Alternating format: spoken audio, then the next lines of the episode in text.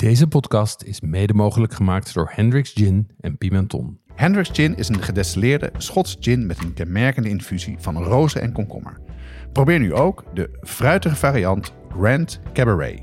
Pimenton is dé webshop voor foodies. Ze hebben meer dan duizend ingrediënten van over de hele wereld die ze snel en voordelig versturen vanuit België. Ook bij ons geldt geen 18, geen alcohol. Jonas, vertel je mij liever hoeveel er nu op je bankrekening staat of de exacte locatie van je beste paddenstoelenplekje? Nou, allebei niet. maar als ik moet kiezen, dan eh, zeker niet mijn eh paddenstoelenplekjes, Jeroen. Nou, Nee. dat is niet helemaal waar. Ik, eh, er is er één die ik niet deel. Ja, En, want daar heb ik iets heel bijzonders gevonden, namelijk eekhoornsbrood. En die heb ik alleen met mijn vrouw. Die weet, wij weten alleen waar dat is. En de rest deel ik wel met jou. maar verder niet. Nee.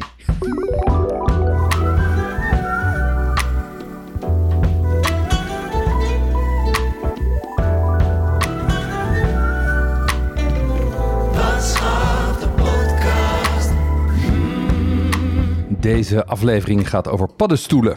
Ehm, we gebruiken veel paddenstoelen, ehm, want ze zijn eh, hartig en ook plantaardig, dus passen goed bij eh, minder vlees eten. Ehm, er zijn heel veel verschillende soorten en het mooiste is, je kan ze zelf plukken. Ja, het is paddenstoelen 2.0, hè? want we hebben natuurlijk al eerder ook over paddenstoelen gehad. Dus eh, we gaan daarop verder. We gaan vertellen hoe wij van een cursus tot onze eigen ervaring gekomen zijn. Hoe we plukken, hoe je te werk gaat. Eh, we hebben iets leuks over een paddenstoelen workshop. Daar gaan we zo meer over vertellen. En vooral wat je verder kan doen met de paddenstoelen die je vindt, kweekt of koopt. Zeker, en ehm, ik heb ook een, ik heb weer een drankje meegenomen. Ik zie het ja. Ik, zie, ik bedoel, jij zit een beetje in jouw eh, alcoholloze periode. Zeker. Jammer genoeg. Maar nu begin ik een beetje blij te worden, want ik zie hier een soort van cocktail voor me staan. Dus En, en waar doet dit jou aan denken, Jonas. Mij aan een Negroni denken, Jeroen. Ja, dat is heel goed. En dit is een no-groni. Dat dacht ik al. Ja.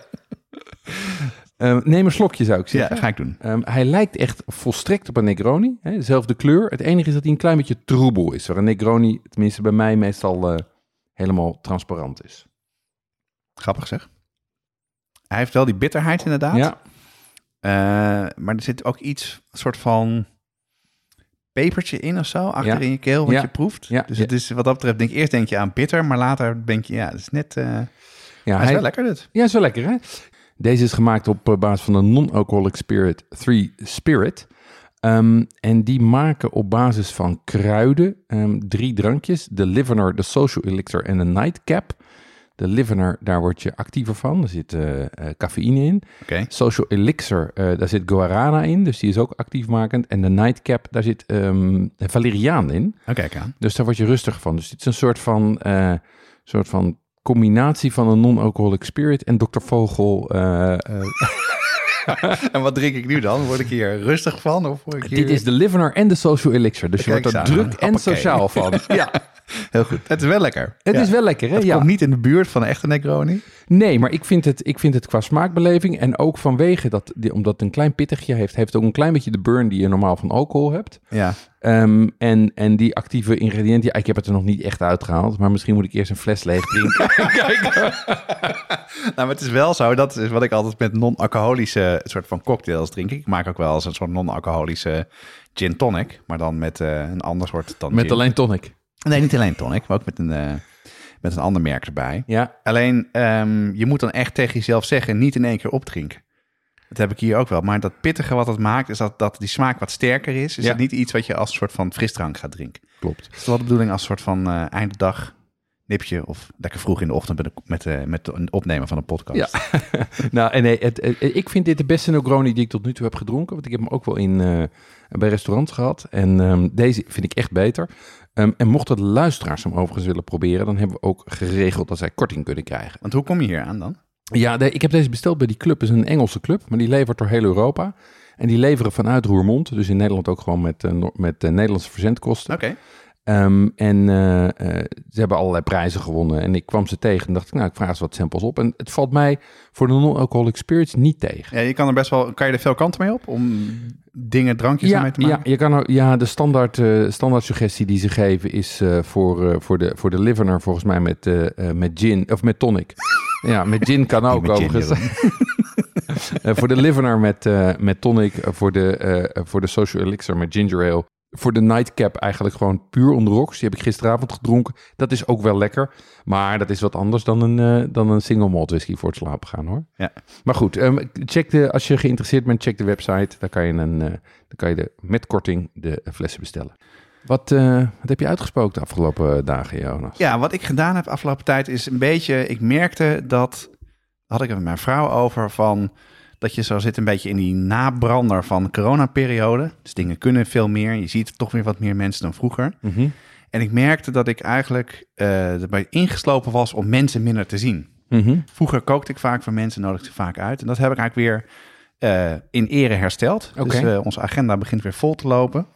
En eh, we waren begonnen met... eh, en maar het enige voorwaarde dat ik een beetje had gemaakt... is laten we één ding lekker maken. En niet een totale mayhem in de keuken... wat bij mij altijd gebeurt. Dan gaat het veel te ambitieus worden. Dus dat was een goed idee. Ja, Maar dat was me niet gelukt, want ik heb een Koreaanse barbecue gemaakt. En ik heb ook nog de KFC gemaakt, de Korean Fried Chicken, die op de site staat. heel goed. Lekker. Top. Wat heb- is dat een lekker recept, zeg. Die Korean fried chicken. Ja. Ja, die is hartstikke goed. En het leuke is, die, die Koreaanse barbecue was leuk. Met, eh, we hebben er een hele aflevering over gemaakt met recept op de site. En dat ging er echt hartstikke goed in, ook bij de pubers. Dus dat was heel leuk. En mijn eh, zoon vond dat ook heerlijk. En verder hebben wij, eh, nou, zijn we ook wat meer uit eten geweest. Mhm. We zijn samen geweest bij Bouchon du Centre. Ja, Dat is een soort van Franse bistro eh, in Amsterdam. Een beetje in de buurt van het Frederiksplein bij de, bij de Nederlandse Bank. ja. En er wordt dus eigenlijk een one-man, one-woman eh, restaurant, toch? Ja, ja, met een Amsterdamse die ook eh, jaren in Lyon heeft gewoond. Ja, en zij doet dus alles in de eentje en het was ontzettend gezellig. En wat wel grappig is, zij doet het dus niet s'avonds, maar alleen overdag. Dus ze heeft service lunch. met de lunch. Ja. Ze heeft twee shifts en haar tip was kom in de tweede. Dan kan je wat langer blijven zitten. En eh, nou, als jij even terug naar Frankrijk wil, je bent in Amsterdam, is een ontzettend goede tip om daar naartoe te gaan. Het was heel lekker en ook gezellig. Ja, en ik heb nog nooit zo'n Franse kaart gezien en ook zo'n Franse eh, service. Het is, echt, het is echt net alsof je in, eh, in Lyon zit. Ja, ook qua entourage en hoe het eruit ja ziet. alles. Ja. helemaal. Nou, niet over Lyon gesproken, maar dan Marseille. Ik ben in, eh, in de vakantie Ja? onder andere in Marseille geweest. En dan zou je denken, nou, Jonas heeft bouillabaisse ge- gegeten. Ja, tuurlijk. Nou, In de haven. Nee, heb ik niet gedaan. Oh. Nee, ja, het was een beetje, het was nogal toeristisch op Aha. één plek. En ik, ja, om hier nou tussen alle Amerikanen te gaan zitten, had ik eigenlijk niet zoveel zin in. Ja, met je Insta. Eh, en met al die foto's inderdaad, ja. En eh, nee, maar wat ik, jij had mij een, ooit een tip gegeven als je in Frankrijk eh, lekker wil eten. en dan niet heel chic, maar gewoon echt goede, goede restaurants. Dan moet je een app installeren, Le Fooding. Ja. En dat heb ik ook gedaan. En daar heb ik super toffe plekken in Marseille gevonden. Ik zal ze wel even op de site zetten. Mhm. En één daarvan was, eh, ik had me voorgenomen, ik ga die stad in en je moet sommige plekken best wel opletten. Ja. Maar als je zoekend naar een restaurant op je telefoon, kan je echt snel in de verkeerde plek in de stad komen. Kan ik je Ja, ja, ja, ja. Dus ik keek op een gegeven moment omhoog. We lagen dode ratten zo op de straat. En allemaal een beetje shady figuren om ons heen. Dus heel hard doorgelopen. Ja, de banlieue van, eh, van Marseille. Ja, zo, daar, zo ver waren wij niet. We gewoon in het centrum. Maar daar waren we dus op één plek. En dat was gewoon, eerst was het gewoon een, eh, een puinhoop. Een, een, een straat waarvan veel huizen waren afgebroken. Je draaide de hoek om. Eén groot plein met allemaal biertafels, allemaal jonge mensen. Super gezellig. Ja. Overal graffiti. Hippigheid. Ja, maar een hippigheid zonder hip. En daar heb ik gegeten in een restaurant. Er waren allemaal kleine hapjes. Dat was een soort van combinatie van veel Aziatische invloeden, maar ook veel Mexicaanse invloeden met Hm. Frans. En heel veel groenten. Kleine hapjes, een natuurwijnbar, wat heel hip is in Frankrijk. Natuurwijn. En dat was echt, echt overheerlijk en te gek. Leuk. Dus mocht je naar Frankrijk gaan, installeer voeding. En als je in Marseille bent zo, en geen bouillabaisse gaat eten, heb ik in ieder geval een goede tip. Maar leuk. Hartstikke goed. En jij? Ehm, nou ja, blijven even in Franse sferen. Ik ben helemaal los op baguette bakken. Ehm, eh, ik bak inmiddels nou, bijna twee keer in de week, eh, twee, drie keer in de week baguette. En ik heb er eh, meegenomen. En overigens, dan kunnen we ook even hoi zeggen tegen Corianne, want Corianne zit er vandaag bij. Corianne heeft geen microfoon, dus die zwaait nu alleen even naar Ja, jullie. misschien op de achtergrond kan ze hallo zeggen. Hallo. Ja, dat hoor je wel. Nou, ik heb hier een bordje voor mijn neus liggen. En eh dat zijn hele mooie baguettes. Eh, het zien, die zien er iets anders uit. Zijn, is er eentje uit de winkel en de andere zelf gemaakt? Of hoe moet De- ik het zien? Nee, deze zijn, deze zijn identieke recepten. De ene heb ik, eh, en ook op dezelfde manier gebakken. Alleen bij de ene heb ik een klein beetje stoom bij de oven erbij gedaan en Ja. bij de ander niet. En wat je ziet is dat de ene daardoor een, een donkerdere en een hardere korst heeft. En de andere is wat, is wat, meer, is wat lichter van kleur en heeft wat blaren. Ehm, dus je ziet het vooral aan de buitenkant. Ja, maar als je ruikt eraan en je kijkt, en je kijkt ernaar, dat is degene die zonder stoom ziet er beter uit. Ja, Qua dat- brood, qua oversprong. ja die, ziet er wat, die ziet er wat rustieker uit. die zijn goed, man. Ja, hè? Ja.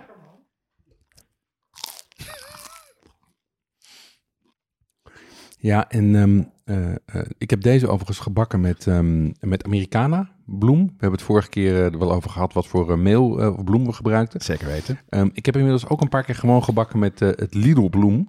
Lidl patentbloem van 39 cent per pak. Dat gaat qua oversprong en vorming mooi. Alleen je merkt wel dat het minder, ietsje minder eh, chewy is. Hè? Ietsje, Ah, ja? minder, ietsje minder mooi trekt. En bovendien dat het minder smaak heeft. Dat was echt, daar merkte grappig. ik echt een groot verschil.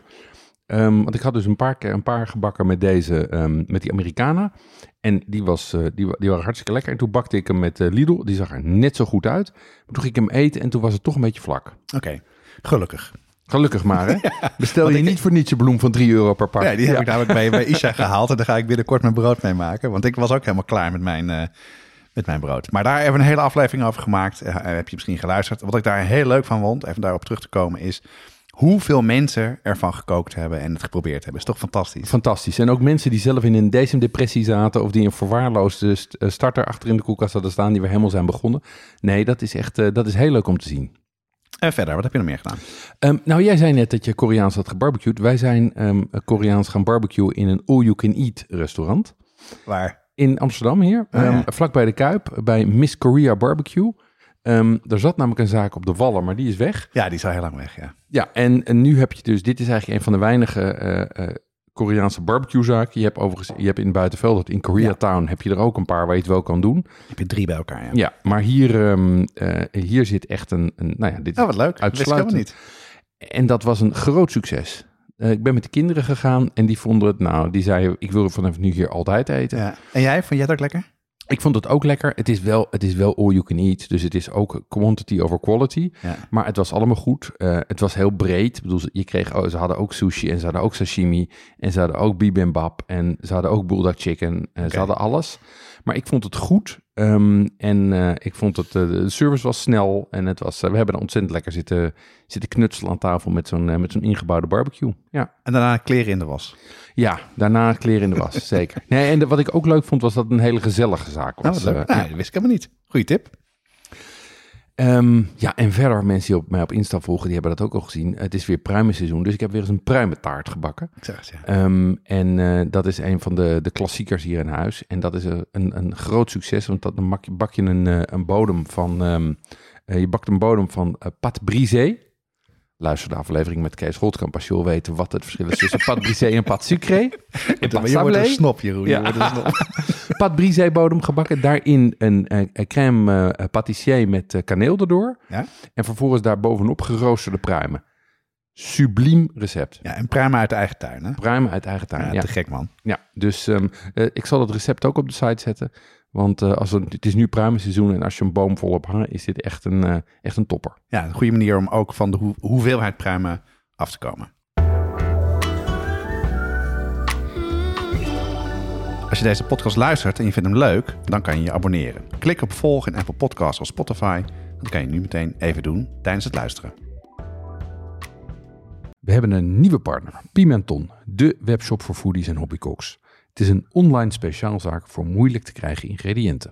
Van ingrediënten zoals eh, carnaroli-rijst tot gochujang, ze hebben het allemaal. Het is een Belgische club en opgericht door een foodie. Ze bezorgen in de hele Benelux voor 3,95 en ga naar pimenton.be om te bestellen. Eh, voor de leden van die brigade eh, is er 12% korting. De actuele kortingscode vind je in de nieuwsbrief. Paddenstoelen 2.0, Jonas. Zeker weten. Ehm, twee jaar geleden hebben wij samen cursus gedaan. Ehm, toen hebben we eh, heel veel geplukt en, eh, en ook veel gekookt. Ehm, en het leek ons leuk om eens even onze ervaringen tot nu toe eh, te delen. Ehm, we hebben er ook veel vragen over gekregen. Dus ik dacht, nou, dat is ook Ja. goed om daar eens even wat nader op in te gaan. En het goede nieuws is, als je, die, als je ook een cursus wil doen, hebben wij een aanbod voor je. Ja, hebben wij geregeld, hè? Daar horen we zo meer over.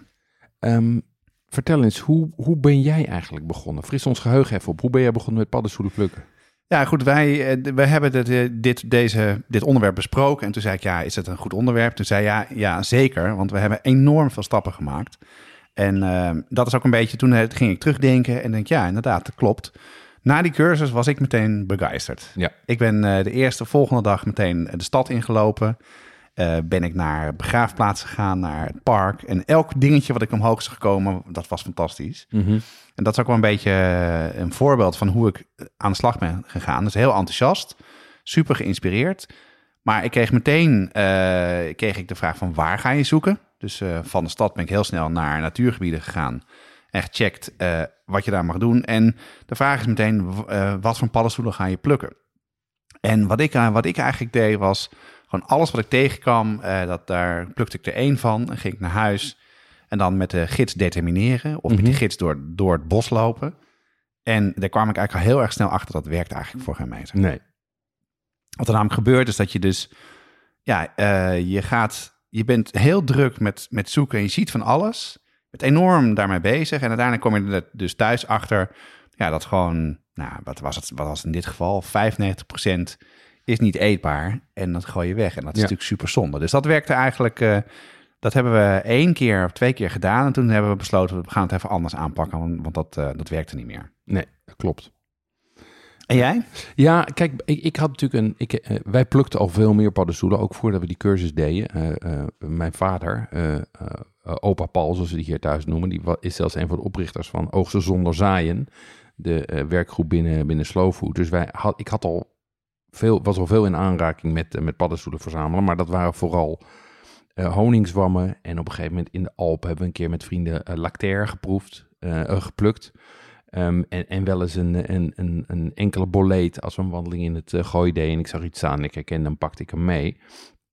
Um, maar waar, waar mij het vooral mee hielp, die cursus ook, um, is, is juist om wat meer focus aan te brengen. en dat is, dat is ook wat jij uh, volgens mij hebt gedaan, hè? Ja, wat grappig is, nu je vertelt over je vader, het schiet mij nu eens te binnen dat mijn ouders het eigenlijk ook vroeger deden. Want toen ik dus begon met het paddenstoelen plukken en mijn moeder vertelde, zei ze, oh wat grappig. Ja, dat deden wij ook. Ja. En mijn vader woont op een plek waar heel veel paddenstoelen zijn, dus die Ja. stuurt vaak foto's. Dus uh, dat vond ik wel weer grappig. En ik heb ook he, mijn vader om tips gevraagd van, oké, okay, ik zit dus nu met die doe maar wat. Ja. Hoe moet ik nou uh, aan de slag gaan? En toen zei hij, nou weet je wat je moet doen? Ehm, wat je moet doen is eigenlijk, je moet gewoon stapsgewijs aanpakken. Mhm. Als eerste moet je uh, focussen op dingen die eetbaar zijn Ja. en die je makkelijk herkent. ja. Gericht zoeken. Heel gericht zoeken. En dat heb ik eigenlijk uh, met, vooral met boleten gedaan. Die, die zijn best wel wat te vinden. Daar loop je ook weinig risico mee, want er is maar één echt giftige. Mhm. Uh, dus, en die herkent ze heel erg goed. Daar kan Ja. je ook bijna uh, niet verkeerd in gaan. Nou, dat kan je wel, maar dat... Um, dus je moet dat toch altijd weer opletten. En, uh, en toen zijn we naar een aantal plekken gegaan waar we ze vonden. En dat hebben we regelmatig bezocht. En toen krijg je, krijg je ook veel meer vertrouwen in. Van, nou, je herkent het sneller. Uh, je durft het ook te plukken. Uh, je merkt thuis met determineren, het, het klopt wel. En zo zijn we eigenlijk gewoon gestopt met naar alles kijken. En heel gefocust naar één soort kijken. Die we, en die, waar die we wat meer in de vingers kregen. Ja, en, en paddenstoelen is dus niet met je boekje in de hand het bos in en elke paddenstoel die je tegenkomt proberen te determineren. Tenminste, hoe, wat je, wat, tenminste, eigenlijk heb je twee manieren van zoeken. Het ene, tenminste, wij noemen dat, we noemen dat spotten. Kijken waar paddenstoelen staan. En het andere is echt gaan plukken. Ja. En uh, uh, wat je dus eigenlijk doet, tenminste, dat, dat is mijn ervaring. Je, je begint met een paar soorten die je herkent, waarvan je zeker weet dat ze eetbaar zijn. En waarvan je zeker weet dat je kan determine- determineren. En je gaat gericht naar plekken zoeken waar die soorten staan. Ja. En vervolgens ga je regelmatig naar die, soort, naar die plekken om te kijken of er op dat moment paddenstoelen Ja. staan. En, en dat is ook wat ik gemerkt heb, is dat je, je denkt dat paddenstoelen vooral in de herfst zijn. Nou, dan zijn er wel de meeste. Maar Mhm. het begint al, eh, het begint, kan al veel eerder beginnen. En ik, het is best wel interessant, dat ben ik eigenlijk nu aan het doen, op een paar vaste plekken regelmatig terugkomen om te kijken hoe ontwikkelt zich die plek. Ja. Eh, en waar staat wat en, en hoe herken je eh, dingen. Zo kom ik op een gegeven moment ook, heb ik kanterellen gevonden op een plek die ik normaal, ja, die, waar ik normaal nooit dacht dat die er waren. Nee. En, ehm, en wat er bijvoorbeeld ook is, ja, ik vind het goed dat je zegt, het gaat om het spotten. En dan hoef je het ook niet te plukken. Nee. Dus ik, alle dingen waarvan ik het gewoon niet weet wat het is, eh, daar raak ik niet aan. En, eh, en, en zo kan je een beetje, nou, zo heb ik meer vertrouwen gekregen in wat ik moet plukken. Eh, want toch eh, moet je enorm opletten met paddenstoelen, want ze kunnen hartstikke giftig zijn. En nu, ja, nu durf ik al te zeggen, dat die soort boleten, dat lukt me nu wel. Ja. Daar ben ik nu wel achter. Ik heb verschillende van gevonden. En die zijn ook hartstikke lekker. Nou ja, maar dat is, ik denk dat, kijk, boleten en kanterellen zijn natuurlijk gewoon hele goede soorten om mee te beginnen. Ehm, eh, en, en de uitdaging is dan, eh, is, is dan waar, waar vind je die? Want wat wel goed is om je te realiseren, is dat de paddenstoel is natuurlijk het vruchtlichaam van een mycelium wat onder de grond zit. En dat mycelium, dat zit er jaren. Dat Ja. is niet één jaar, dat zit er jaren. Dus als, als er op één plek boleten boven de grond komen, dan kan je er donder op tegen zeggen dat, gegeven de goede omstandigheden, volgend jaar op die plek weer eh, boleten boven de grond komen. Dus wat dat betreft is het, eigenlijk kan je ervan op aan, een beetje vergelijkbaar met bramen plukken. Als ergens een bramenstruik staat, dan staan er, staan dit jaar bramen. En als het weer goed is, staan er volgend jaar weer bramen. En zo gaat dat er dus eigenlijk bij paddenstoelen om, om te ontdekken waar die, waar die gunstige myceliums onder de grond zitten. En daar op het juiste moment langs te komen. En Jonas, dan heb je op een gegeven moment ehm, eh, eh, de, de juiste aanpak gevonden. En ook een aantal soorten die je kan herkennen. Ehm, hoe ben je dan verder gegaan? Nou, daar zit ik eigenlijk nu op. Eh, ik, ben, ik merk nu dat ik dus één stuk, wat ik net zei, één soort goed weet te vinden. Nou, dat zijn boleten en kanterellen. Kanterellen kan je ook niet echt de mist ingaan. Zijn heel moeilijk te vinden. Ehm, en nu, je ziet ook heel erg veel russelaars. Ehm, en ik heb laatst bedacht, oké, ik wil nu gewoon gericht een aantal van die russelaars... waarvan ik denk en van tevoren heb bekeken in, in, de, in de gids... van welke zijn goed dat een beetje in mijn hoofd hebben en Mhm. dan daar een aantal van plukken. Eh, en die dan thuis determineren welke goed zijn. Dan de plekken onthouden. Dat heb ik al één keer gedaan en het ging helemaal mis. Ja, want ru- russula's zijn een moeilijkere soort, omdat er eetbare tussen zitten. Ongenietbare, dus wel eetbaar, maar niet lekker. En een paar giftige volgens mij, toch? Ja, dat weet ik niet 100% Ja, zeker. ja, maar dus- wat ik wel vooral weet, er staan er heel veel. Ja. En ze lijken best op elkaar. En het is niet zo makkelijk om meteen de goede eruit te halen. Dus dat is eigenlijk een beetje de volgende stap om gewoon een andere soort te kiezen. En de aanpak die ik nu anders ga doen, daar heb ik zelfs over nagedacht, is om gewoon plaatjes eh, te plastificeren en mee te nemen en in mijn zak te stoppen. En dan gewoon met een plaatje van degene waarvan ik weet dat ze echt goed zijn, daarmee door het bos gelopen. En dan een beetje te kijken van waar staat het en dan een plan te maken. Dus dat is waar ik nu ben. Dus ik ben eigenlijk van totale beginner eh, met heel veel kennis van die workshop op een punt gekomen dat ik op een, een paar soorten een beetje eh, me, me lekker en prettig voel. En eh, ja, nu is de vraag hoe ga ik verder? Of hou, hou ik het bij boleten, die ik eigenlijk het lekkerste vind? Ja. Of, eh, of verder? En jij? Ja, bij mij is het wel vergelijkbaar. Ehm, ik, heb, eh, ik, heb, eh, ik ben ook vaker aan het plukken. Ik pluk vooral in, eh, in België. Daar heb ik een paar hele goede plekjes gevonden. Daar zijn wij ook deze zomer geweest. En dat was, Dat is feest. dat was, dat was laden. Ja. Ehm, eh, ik merk ook dat ik wel wat aan het spotten ben als ik wandel. Dus als ik een wandeling maak, dan hou ik mijn ogen wel open van... hey, zijn er plekjes waar ik wat kan vinden? Ehm, maar ook ik zit eigenlijk nog vooral op eh, ehm, de, de, de boleten en de, en de kanterellen. Ehm, ik herken twee andere soorten, laat ik zeggen, wel de types. Hè? De- bijvoorbeeld de russula en de stinkswam. Die herken ik weer wel ongeveer als soort. Maar ik weet eigenlijk niet zo goed wat ik daar in de keuken mee kan. Nee, precies. Dat heb ik heel erg met die stinksman op. Die herken je meteen. Ja, En dat schijnt lekker te zijn. Maar als je hem uit de grond ziet komen, dan wil je hem liever laten nee, staan. heb je er geen trek meer in. Ehm, en, en welke ik wel gezocht heb, maar nog niet gevonden, zijn Morius. Die staan bij mij echt bovenaan Ja. de lijst. Maar dat is een voorjaarszwam. En eigenlijk realiseer ik me dat altijd te laat. Ja, Ehm, ik heb dit jaar wel, wel een poging gedaan. Veel op uit geweest. Ja, Mijn vader ook weer gevraagd, want die had ze vroeger wel eens gevonden, waar hij dat gevonden had.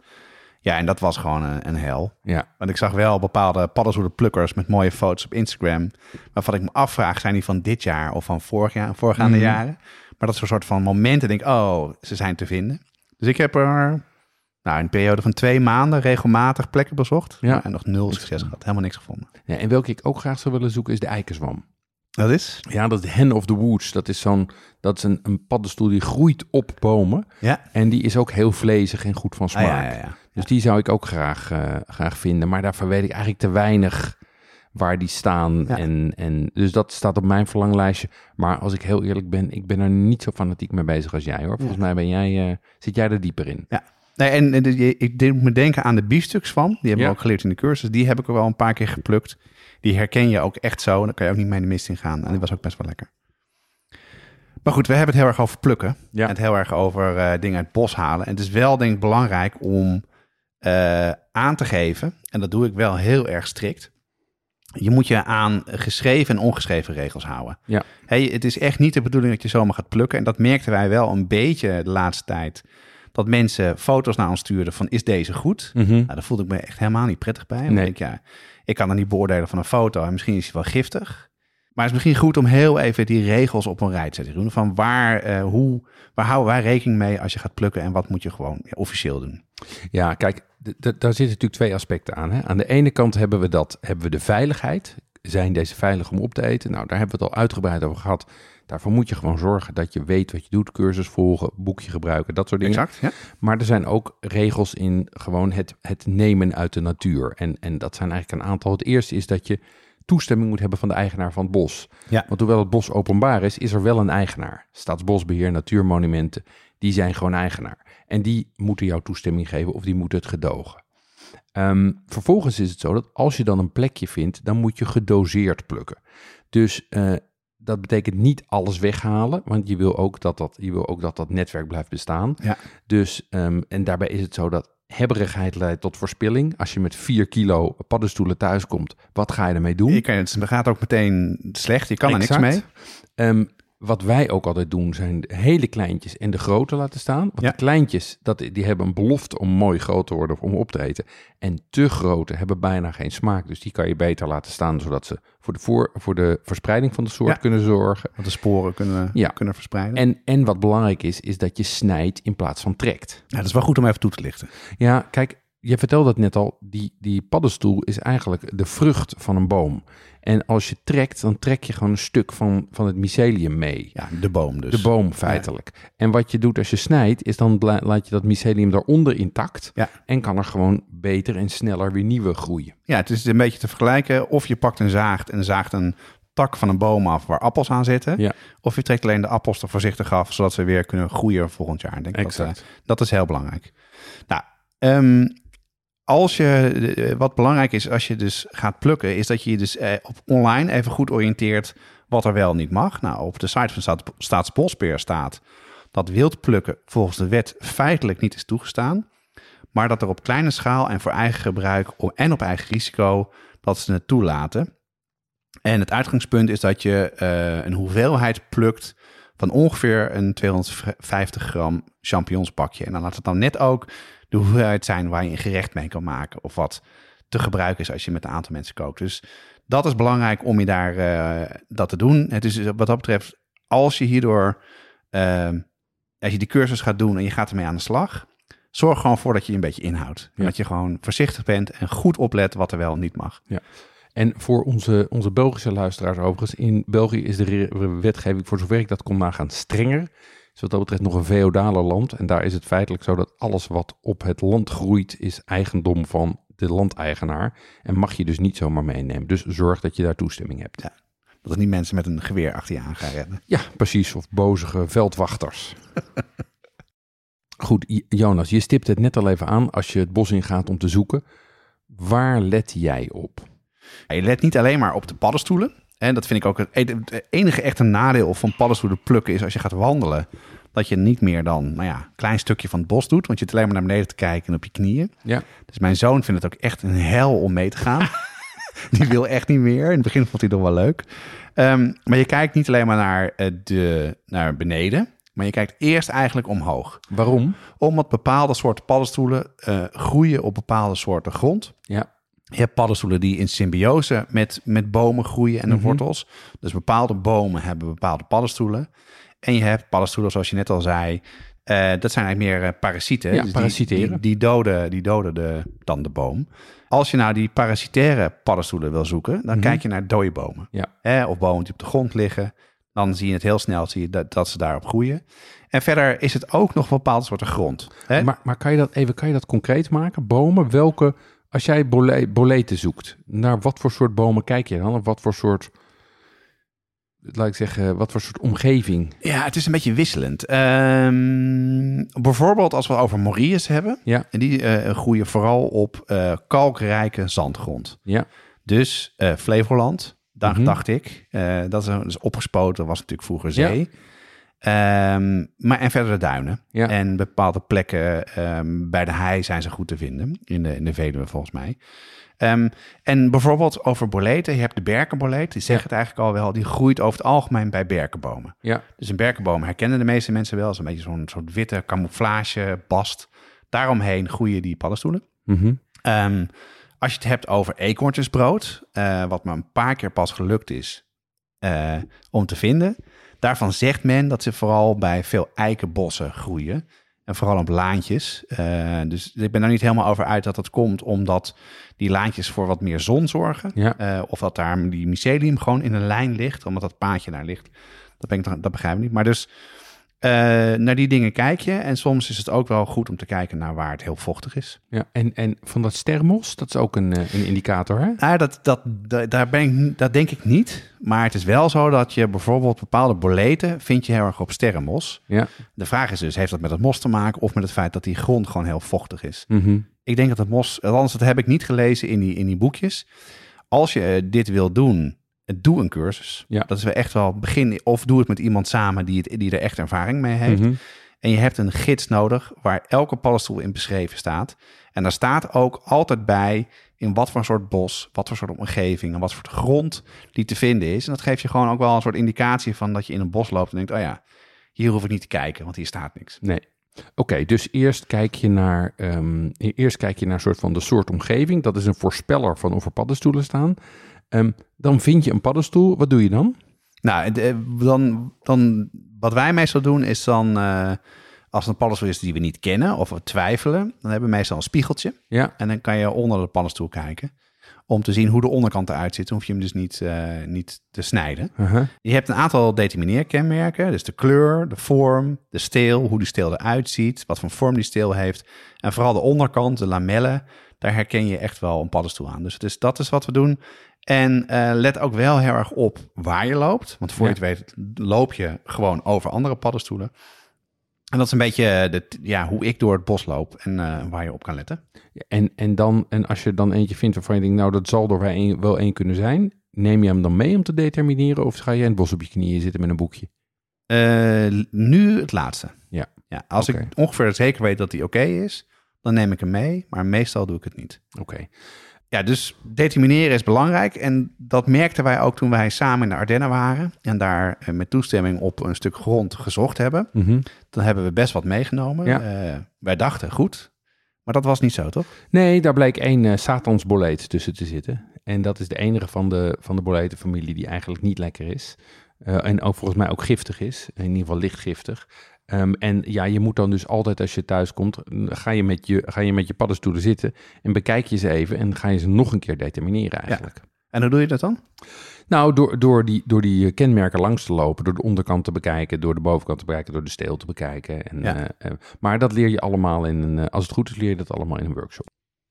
Wij hebben ontzettend veel profijt gehad van de cursus die we samen hebben gedaan. En toen hebben we ook besloten dat willen we in ieder geval met onze podcast ook faciliteren.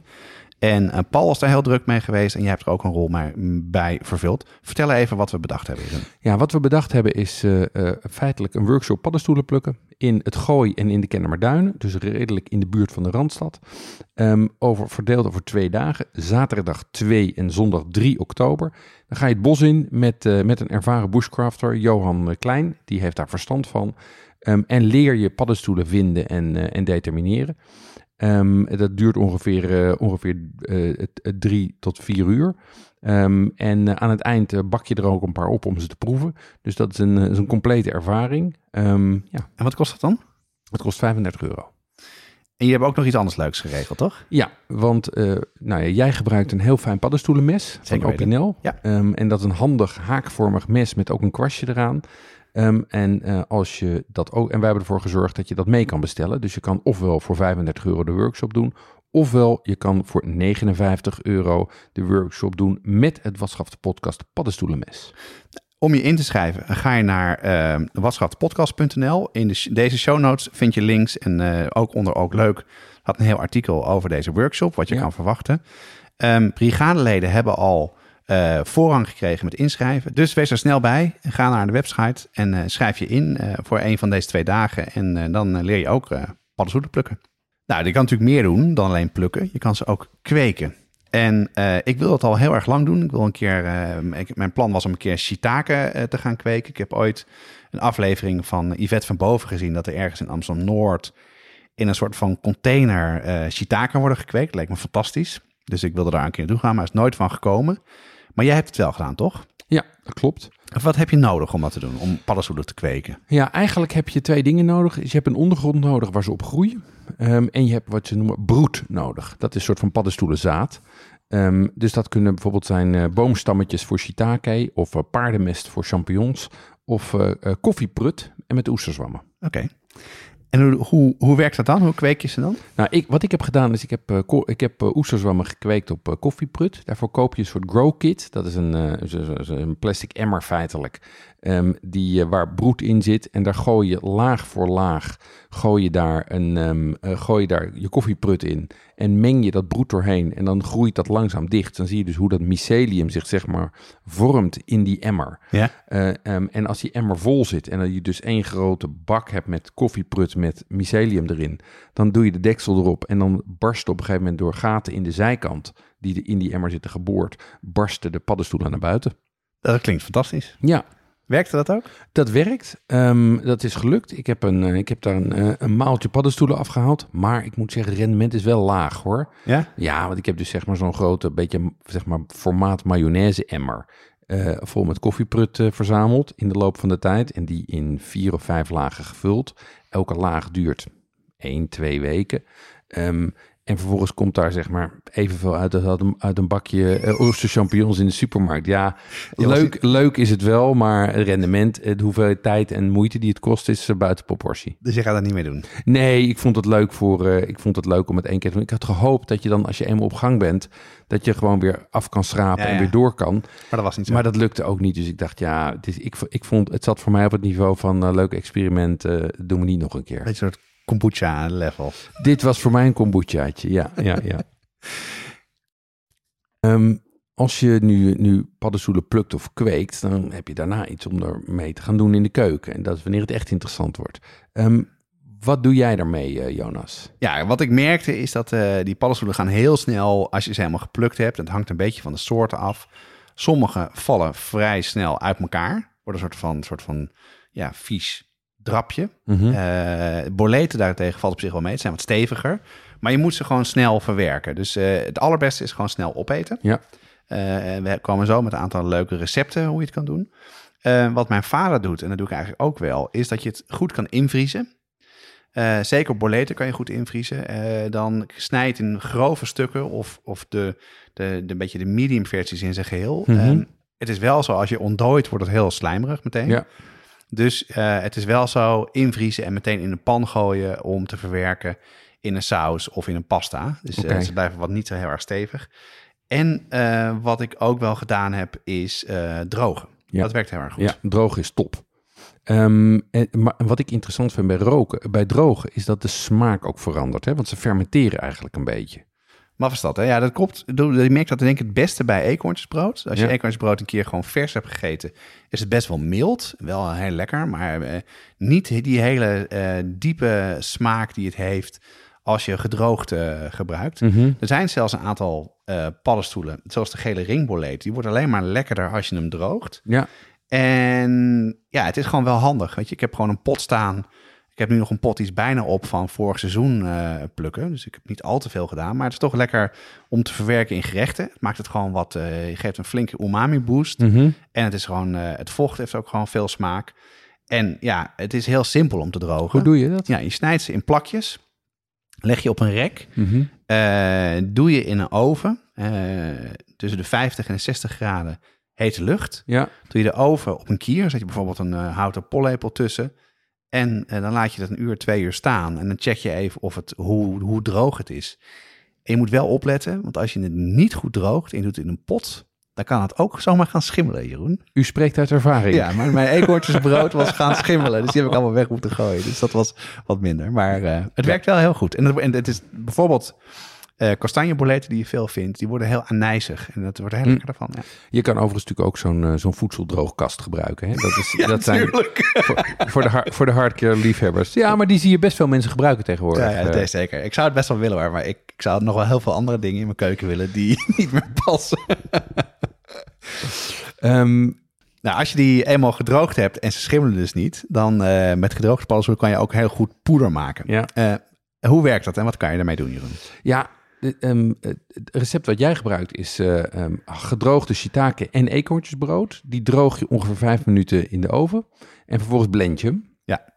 Um, uh, ik droog ze over het algemeen langer en lager, 100 graden en dan een uur of twee uur. Oké, okay, ja. Um, en, um, uh, en het blenden en ik zeef ze daarna. Ja, ja precies. Dat stond ook in het recept. Ja, ja. ja, ja. precies.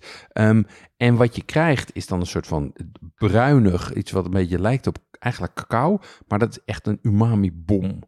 Dus die kan je eigenlijk gewoon als natuurlijke smaakversterker gebruiken in, in risotto's, in pizza's, op steak of omelets of uh, eigenlijk op alles. Ja. ja, dat is heel leuk, want dat, uh, dat, dat maakt het ook gewoon wel, je kan je best wel lang bewaren, een Ja. maand of vijf, goed afgesloten. En dat, uh, dat maakt een saus echt, of een uh, gerecht echt uh, gewoon veel dieper en smaakvoller. Ja, ik, ik maak hem overigens vaak alleen met eekhoorntjesbrood. En wat ik, wat ik dan ook nog, een recept dat ik heel lang geleden een keer van iemand heb gekregen, is om het dan te combineren met palmolie in poedervorm. Oh ja? Ja, en dan krijg je namelijk een soort coating die je op, je, uh, die je op vlees of vis kan doen. En hoef je helemaal niet meer met, met uh, vet te bakken. Oh, dus dan heb je een soort coating die je op je vlees of vis drukt. En dan leg je hem in de pan. En dan smelt dat vet smelt meteen weg met die olie. En geeft een heel mooi laagje. Maar ja, palmolie, poeder is natuurlijk ongeveer het, ongeveer het slechtste wat je je kan verzinnen. Want uh, palmolie is ingewikkeld en uh, om er poeder van te maken, doen ze er ook allemaal, allemaal enge dingen mee. Maar het is wel leuk. Ja, en dan moet je ook niet, dan moet je misschien de, de aflevering van Keuringsdienst van Waarde kijken, kijken over boter. Ja. En ziet wat koeien krijgen om het vetgehalte op te hogen, namelijk deze shit. En uh, harde pakken boter zit ontzettend veel palmolie in. Dus eigenlijk eten we bijna margarine via het voer wat een, wat een koe krijgt. En als ik dat dan weer zie, dan uh, zakt het echt en moet weer in de schoenen. En ik, die hele voedselindustrie is toch echt op sommige plekken echt helemaal de verkeerde kant op te gaan. Nou, van boter en deze hele discussie naar paddenstoelen weer. Um, hoe maak je ze? Uh, wij zagen op onze virtuele kookclub club op Discord twee hele soort van uh, aparte manieren om paddenstoelen te bereiden. En het is wel interessant om daar even bij stil te staan. Kan je het uitleggen? Ja, ik, ik even ter inleiding we, de, wat de meeste mensen doen, is die beginnen gewoon met een beetje olie in de pan of een beetje vet in de pan, gooi de paddenstoelen erbij en beginnen te bakken. En dan krijg je altijd een beetje, beetje natte, uh, kledderige paddenstoelen. Ja, nou, wat, wat wij vorige keer in de vorige aflevering al hebben gezegd, is wat je eigenlijk moet doen, is heel hard bakken. Dan even dekseltje erop, stoven en dan laten inkoken. Dat is een alternatieve methode. Ik heb ja. nu nog twee dingen die ik eigenlijk allebei nog slimmer vond. De eerste kwam jij mee aanzetten.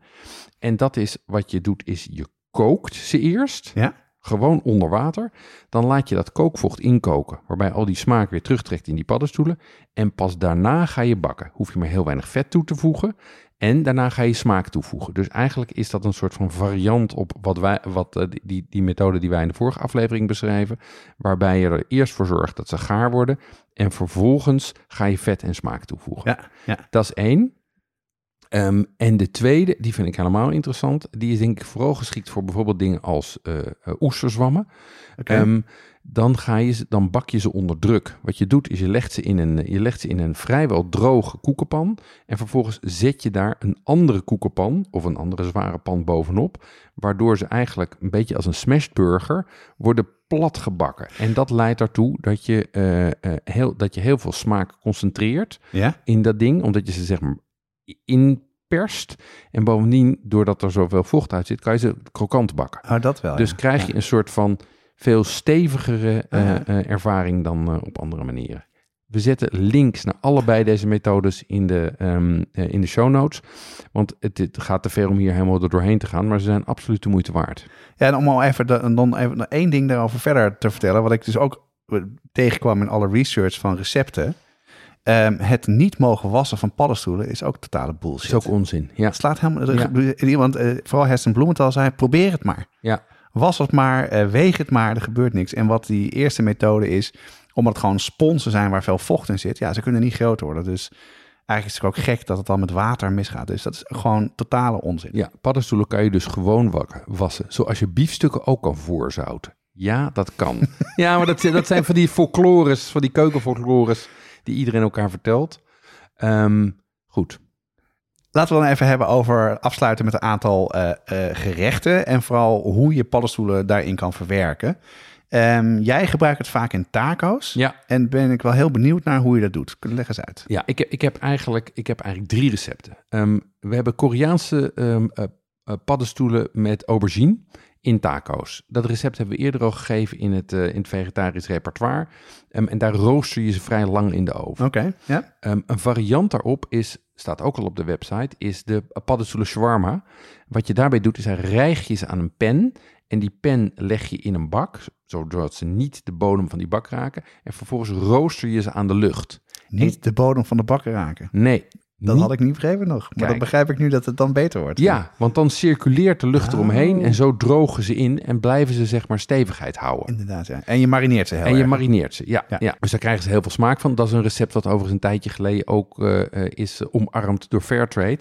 Die daar een standaard eh, marinade voor op de markt Oh, heeft gebracht. Ehm, en de laatste is een nieuw recept wat ik, eh, wat ik heb gekregen van, eh, wat hebben gekregen van Half Baked Harvest. Dat is een, een populaire Amerikaanse eh, blog. Ja.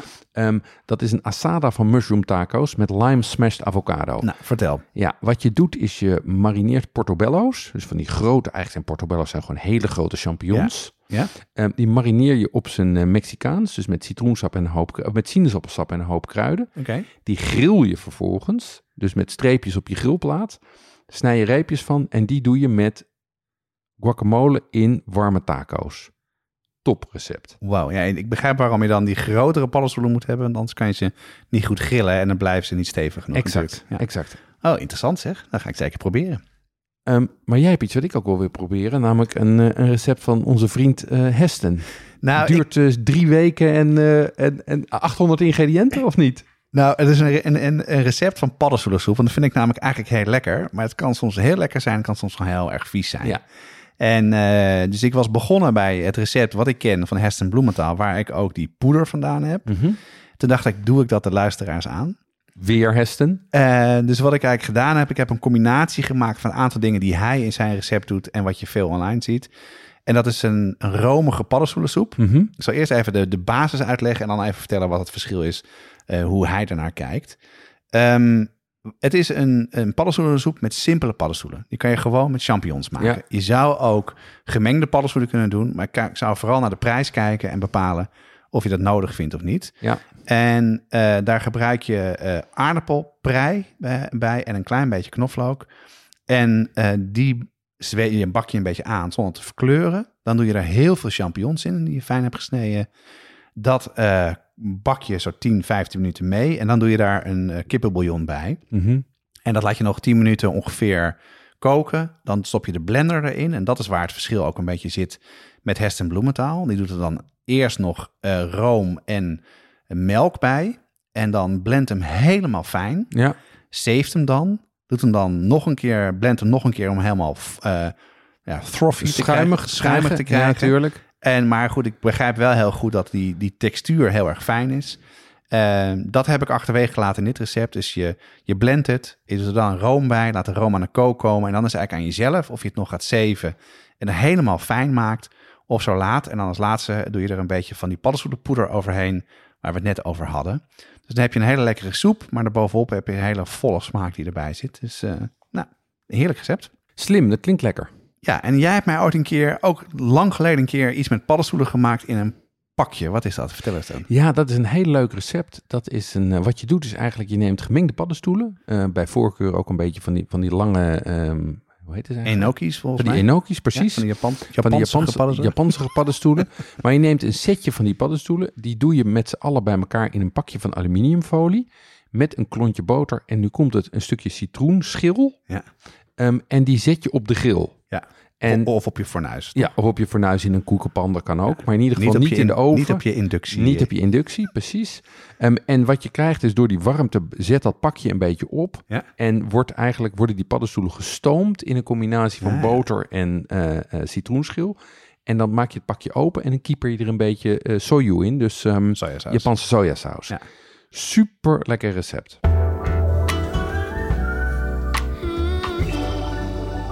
Nou, dan is het tijd voor ons eh, ja, repertoire of ons feuilleton. Ehm, nou, wat sommige luisteraars misschien al gehoord hebben in de vorige aflevering is... we hebben voor ja, dit jaar, dit seizoen, hebben we eh, iets anders gedaan. Voorheen hebben we het altijd over vegetarische recepten gehad. En nu vinden wij het leuk en ook wel goed om wat meer de aandacht op vis te zetten. En vooral op duurzame vis. Dus we hebben een nieuwe, een, een nieuwe rubriek en die heet Van de Afslag. En daar willen we elke keer een eh, visrecept delen. Dus eh, ik ben benieuwd wat je gekozen hebt. Ja, ehm, ik heb eerst goed nieuws. We hebben namelijk een samenwerking met Woordvis voor Van de Afslag. Woordvis hebben we eerder al eens genoemd. Dat is een, eh, is een eigenzinnige visleverancier, Jan Woord uit Urk. Die beleverde eerst alleen maar Amsterdamse restaurants. Doet dat heel principieel, namelijk alleen Noordzeevis en nooit, nooit, nooit diepvries. Dus duurzaam. Dus duurzaam Ja. en lekker, want vis die bevroren wordt, die verliest al zijn vocht en zijn smaak. Ja. Ehm, en hij, eh, wat hij doet, is hij heeft eh, afhaalpunten. En eigenlijk is het heel simpel. Hij heeft één vis per week. En die bestel je bij hem en die kan je afhalen op een van die afhaalpunten. Tot nu toe zijn dat alleen maar afhaalpunten in Amsterdam. Maar hij is bezig met uitbreiding. En wat wij met hem hebben afgesproken is dat we eigenlijk dat we eh, onze recepten gaan baseren op zijn soorten vis. Ehm, en eh, eh, zodat het voor iedereen makkelijk te maken is. En dat bo- bovendien we hem ook in, het, eh, eh, in de spotlight zetten. Ja, en tegelijkertijd daarmee dus zeker weten dat de eh, dingen die we behandelen in het seizoen zijn en duurzaam zijn. Klopt. Welke vis ehm, heb je dan gekregen en heb je een recept bij bedacht? Ja, ik heb eh, eh, een paar weken geleden had ik griet. Ja? Dat is een platvis die in de zomer heel sterk is. En ik vertelde je net al over dat recept dat ik had met poeder van, met palmolie. Ehm, daar heb ik een, dat was een recept van origine wat ik van iemand kreeg met, met griet. Ehm, en eh, dat heb ik nu zo omgebouwd dat je het kan maken met gewoon een, eh, een korstje van eekhoorntjesbrood. En daarbij champignons gebakken via de koken en dan bakken methode. Hey, en en, dat, en wat doet dat korstje dan? Dat korstje geeft een hele, geeft, eh, geeft een hele diepe umami, hartige umami smaak aan, dat, aan die vis. Dus dat geeft bijna een soort surf- en turf-achtige tegenstelling grappig. tussen, Ja. tussen wat, je met je, wat je met je vis doet. Ja, Nou, het recept staat eh, zoals altijd op de site. Ehm, en dan kan je ook gewoon zoeken op Van de Afslag. En ehm, ja, ik zou zeggen, probeer het ook. Wat de podcast wordt mogelijk gemaakt door de Brigade. De Brigade is onze groep van vaste luisteraars die een donatie hebben gedaan. Voor brigadiers organiseren wij workshops, uitstapjes en gezamenlijke inkoopacties. Ook krijgen ze toegang tot onze online kookclub op Discord. Op onze site watschaftepodcast.nl vind je hier meer informatie over. ja de brigade. Ehm, wat, eh, we hebben weer een hoop activiteiten gedaan. Ehm, afgelopen weken hebben we binnen de brigade we hebben de boeken van eh, Joris Beidendijk verloot. Ja. Ehm, die gaan naar eh, Willem Remy en Sandra Jacobs. Die zijn de, de trotse eigenaars inmiddels van het boek van Joris. Bovendien hadden, hebben natuurlijk de brigadeleden voorrang bij de inschrijving van de paddenstoelenworkshop. Ehm, als je dit hoort, dan is die voorrang al gesloten. Maar zij hebben dus een mailtje van tevoren gehad. Ehm, en bovendien zijn wij eh, van start gegaan met, eh, met nieuwsbrieven. Waarin we dit soort dingen als workshops en zo aankondigen. Ja. Dus de brigade is heel, eh, heel actief op dit moment. Ja, en er komen en, in de nieuwsbrief daar ehm, eh, staat ook een enquête in. Dus heb je een nieuwsbrief gehad en de enquête nog niet ingevuld en je bent brigadelid, dan zou dat heel erg op prijs zijn dat je doet. Dat geeft ons veel meer inzicht in de dingen die we kunnen organiseren. We hebben ook weer nieuwe leden. Eh, Kevin Hoogvorst, B. van Nieuwenhuizen en Rick Rensen. Jokelien Vles, Jackie Pang en Annemarie Ballan. Elke Kool, Sigrid Rabe en Elma de Kruif. Ernst Mistiaan, Eliane van Herwaarden en Marloes Stoer. Nou, nogmaals dank voor jullie donatie. Elke twee weken op donderdag staat er een nieuwe aflevering klaar. Meld je op de site aan voor onze nieuwsbrief. Zodra een aflevering live staat, ontvang je een e-mail met alle recepten en andere leuke informatie. Deze podcast wordt gemaakt door Jeroen Doezet en Jonas Nouwen. Het team bestaat verder uit Corianne Straathof, Annie Tasselaar, Paul Veldkamp, Cato van Paddenburg en Jesse Burkunk. De mooie muziek is gecomponeerd door Nico Brandsen en Ton Dijksman en uitgevoerd door Mel en Vintage Future. Reacties kan je sturen naar uh, jeroen.watschaptepodcast.nl of jonas.watschaptepodcast.nl of je stuurt een DM via een van onze socials. Tot de volgende keer. Tot de volgende keer.